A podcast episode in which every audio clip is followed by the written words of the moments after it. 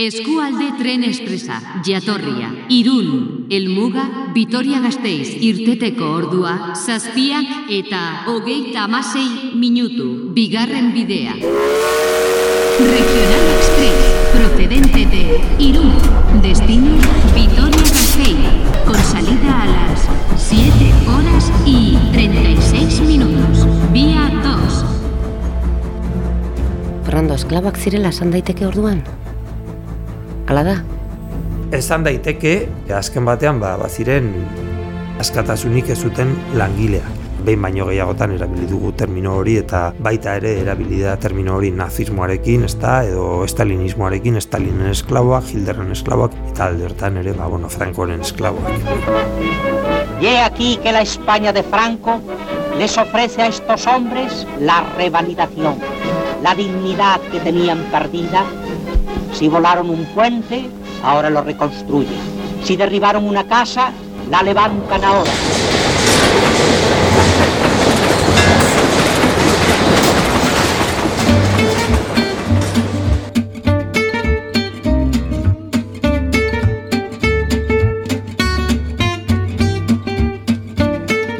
Zientzia puntu puntuan. Nafarroako Unibertsitate Publikoaren divulgazio zientifikoko podcasta emaio zuiaten adimenari. Ongi etorri entzule, zientzia puntu puntuan podcastaren amazazpigarren atala duzu hau. Milaka presok eta presok lan egin zuten trenbidean, mila bederatzeun eta goita mezortzitik, mila bederatzeun berrogoita marreko amarkadaren bukaera arte. Bideak bikoiztuz, zubiak berrera ikiz, tunelak eginez. Urbil ditugu lan horietako batzuk. Kastejon Kortez zuera trenbidea, adibide bat. Alzazu agurain gazteiz, beste bat.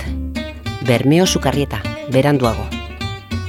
Frankismoaren garaian burdinbideetan ibilitako bortxazko langileak ditugu mintzagai gaur. Fernando Mendiola, Nafarroko Oroi Ministerikoaren dokumentazio funtsaren zuzendariaren gidaritzapean. Ni Fernando Mendiola naiz, historialaria, historia irakaslea, ba, bueno, ja urteak dara matzatia historia iren inguruko ikerketak egiten, lehen da biziz industrializazioaren inguruan, eta ja azkenengo urteotan errepresio frankistaren inguruan, batez ere bortzasko lanen inguruan ba, nire ikerketa ere ba, talde baten barrenean ere sartu behar da eta hori da 2012an jaio zen Nafarroako oroimen historikoaren dokumentazio funtza. Eta azkenengo bi urtetan ni nabil zuzendaritza lanetan eta nerea perez koordinazio lanetan. Horea, ez da? Bai, bai, bai. Dokumentazio funtzak jaiotzen da ere parlamentu lendabizitz eta gero gobernuaren bultzadaz hori posgarria da, ezta? Azken baten badago ere hor erakundeen sostengu bat eta bueno, horrek ere posible egin du errepresio frankistaren inguruan datu base publiko bat sortzea, nahiko osatua eta bueno, estatu mailan ere referentzia bate bihurtu dena.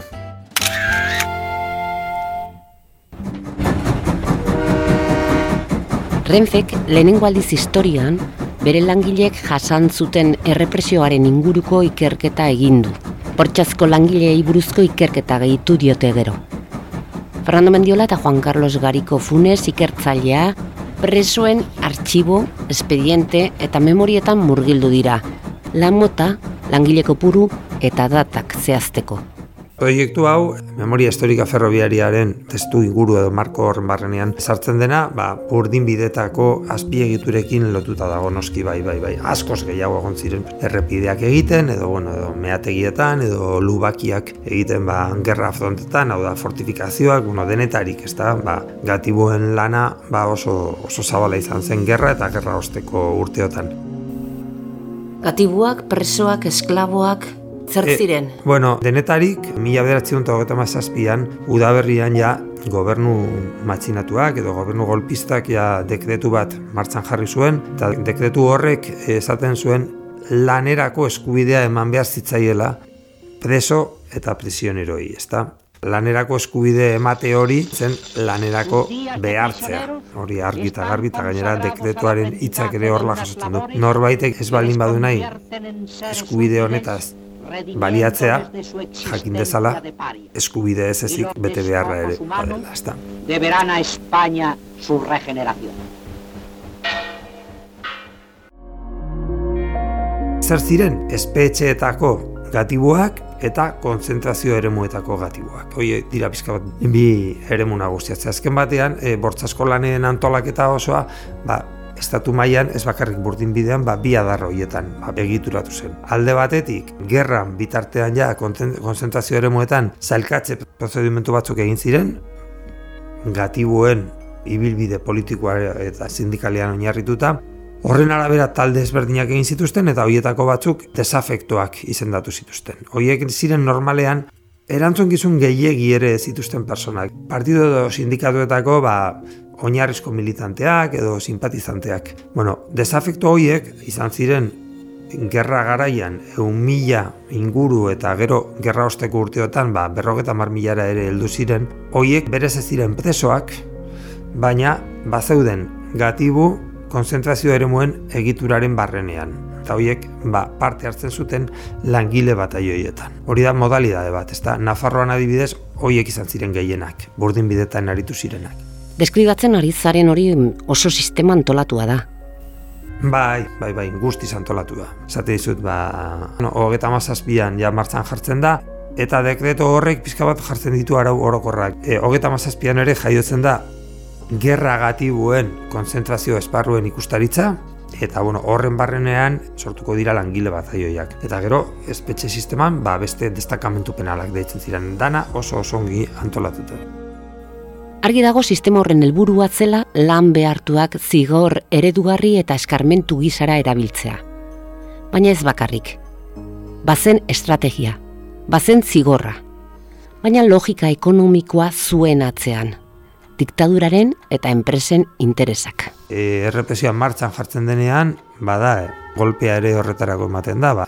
Erregimen berriak oso lotuta dago goiko klaseen interesarekin, ez da, orduan, e, errepresioa noren gana zuzenduko da, batez ere, ba, mugimendu sindikalean ibilitakoen gana, eta, bueno, antolakuntza tradizioa zutenen gana. Ez da, eta gero, bestalde batetik, bortzasko lanei dagokionez, bada modu bat, lan eskaziari aurre egiteko, momentu bat gerra garaian eta gerra ostean nun batzutan zaila izaten den langileak topatzea, ba, bueno, ba, sistema honek albideratzen du langile merkeak eta eramangarriak topatzea, ezta eta bueno, eramaten zituzten toki batetik, bestera haien komenientzien arabera edo burdin bideetako enpresen komenientzien arabera.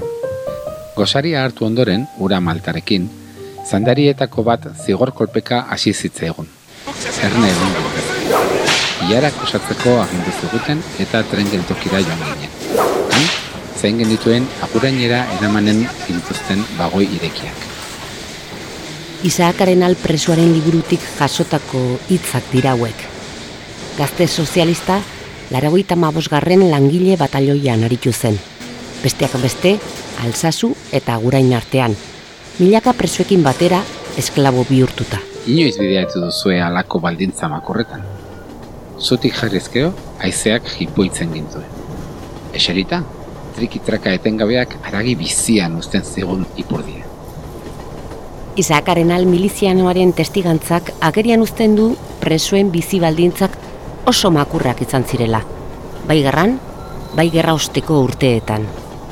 Gosea, hotza, zigor fizikoak, bizimodu lat, oso batza. E, hori karreteretan ere ikusi dugu eta bueno, hor batez ere azpimarratu behar dira bi elementu. Ez alde batetik oso baldintza material kaskarrak, lan asko egin behar zen oso baldintza txarretan, gutxi janda, hotz garaietan ere hotza pasatzen, ostatu hartzeko tokiak ere pues, normalean pues, barrakoiak edo aberentzako tokiak izaten ziren nun, e, bat zegoen, pues, hotza, ziginkeria, hori alde batetik baina gero baldintza materialak ez ezik, bazegoen ere disiplina erregimen.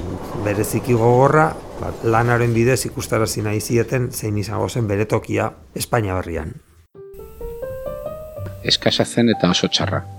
Altsasun izan gintuzten okerrez banaiz, mila bederatzieun eta berrogeita iruko abustura arte. Horren ostean, egurrezko barrakoi batzuk eraiki zituzten agureindik bi kilometrotara. Eta esan biharrik ez dago, ez zituzten betetzen higiene baldintza gutxienekoak ere. Landa lurren erdian ginen, bakartuak erabat.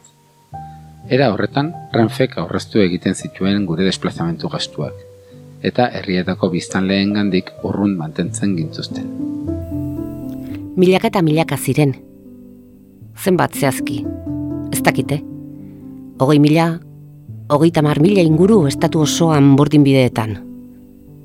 Gure inguru hauetan batez ere bideak bikoizten aritu ziren. Burdinbide lan horiek hiru mototakoak izaten ziren. Batzutan, gerraren eraginez suntzitutako azpiegiturak berrera ikitzea. Beste modalidade bat zen burdinbide berriak, lerro berriak egitea. Nafarroan, bakar bakarrik daukagu, momentu hortan iaia bukaturik zegoen Soria eta Kastejonen arteko lerroa. Bazegoen hirugarren modalidade bat eta zen alde zaurretik eginak zeuden burdinbide lerroetan eta oso garrantzitsuak ziren horietan bazegoen ja momentu hortan martzan prozesu bat garai hortan bide bikoitza edo doble bia deitzen zena. Ez. Lerro garrantzitsu horietan, ba, bideak ari ziren bikoizten alde batetik altzazu eta gazteiz bitarten, hori zen bide nagusienetako bat, Madrildik irunera joaten zena, ez da? Eta gero bestalde batetik Ebro Ibarrean zehar, herribera zeharkatzen zuen bidean. Eta orduan, altzasun 2000 baino gehiago gatibu egon ziren, batez ere hogeta mazaz hogeta mazortzitik berrogeta bi arte, eta gero herriberan gehiago, eh, irumila ere izan zitezken, eta langile hoiek ibili ziren ba, kastejonetik hasita eta kortez arte Nafarroako herribera osoan torlanean. 2000 lagun alzasun, beste irumila kastejon aldean, arrastoa utziko zuten herri horietan seguru aski. Bai, bai, bai, ba, gainera baziren, eh, zonalde batzuk, ba, bai herribera eta bai altzazu, ba, bereziki ezkertiarrak, eta, bueno, sortu ziren pizka bat harremanak. Altsasuak maila sozioekonomiko eta politiko handia zuen mila bederatzieun eta berrogeita iruan. Hasiera hasieratik ikusi genuen altsasuarrek ez dutela inolako etxaitasunik ez errezelorik gurekiko gertatu dena da denborarekin ba bueno ba honen inguruan ba errepresioaren inguruko beste gai askotan bezala transmisioa pizka bat eten eginda eta bai diktaduran zehar eta baita gero transizioan ere ba martxan jarritako memoria politiken ondorioz edo iziltasun politiken ondorioz, ba, bueno, askotan badirudi ez dela ezer gertatu, ez da, baina, bueno, azten baldin bazara pizkat ikertzen, azten baldin bazara jentearekin hitz egiten, ba, hor, azalaratzen da, ezta? Eta kastejonengo kasuan hori oso argi da. Dokumentazio gutxi topatu dugu, bada dokumentazioa, baina gero herrian ere, ba, gogoratzen da jentea hortaz, eta gainera, ba, gogoratzen dira, ba, gatibuak eraikin berezi batean zeudela, irin lantegian, larinera deitzen zen hortan, gaur egun ardandegi bat da, jende guztiak zekien hor zeudela gatibuak, eta gainera ezagunak ziren herrian emakume batzuk, batez ere bereziki solidariak zirenak gatibuekin eta batzutan janaria eramaten zietenak edo arropa ere garbitzen zietenak. Gertatzen dena da, memoria hori ba, nahiko isildua egon dela ez da. Isiltasun hori austeko, isiltasuna memoria bilakatu datin, urteak daramazkite artxibategietan arakatzen. Udal artxibategietan besteak beste. Kastejonen ordea ez omen zegoen apena sarrastorik. Mugikortasuna handia eskatzen zuten lanak ziren eta horrek ikerketa zaildu egin du. Alsasun berriz bai, hainbat bortxazko langile hauen izena bizenak eta jatorriak aurkitu dituzte. Francisco Domingo Cuevas, Francisco Flores Gilabert, Luis Marín Cano, Amadeo Martínez Valero. Batez ere informazio iturri nagusia izan dira estatu mailako artxibategiak.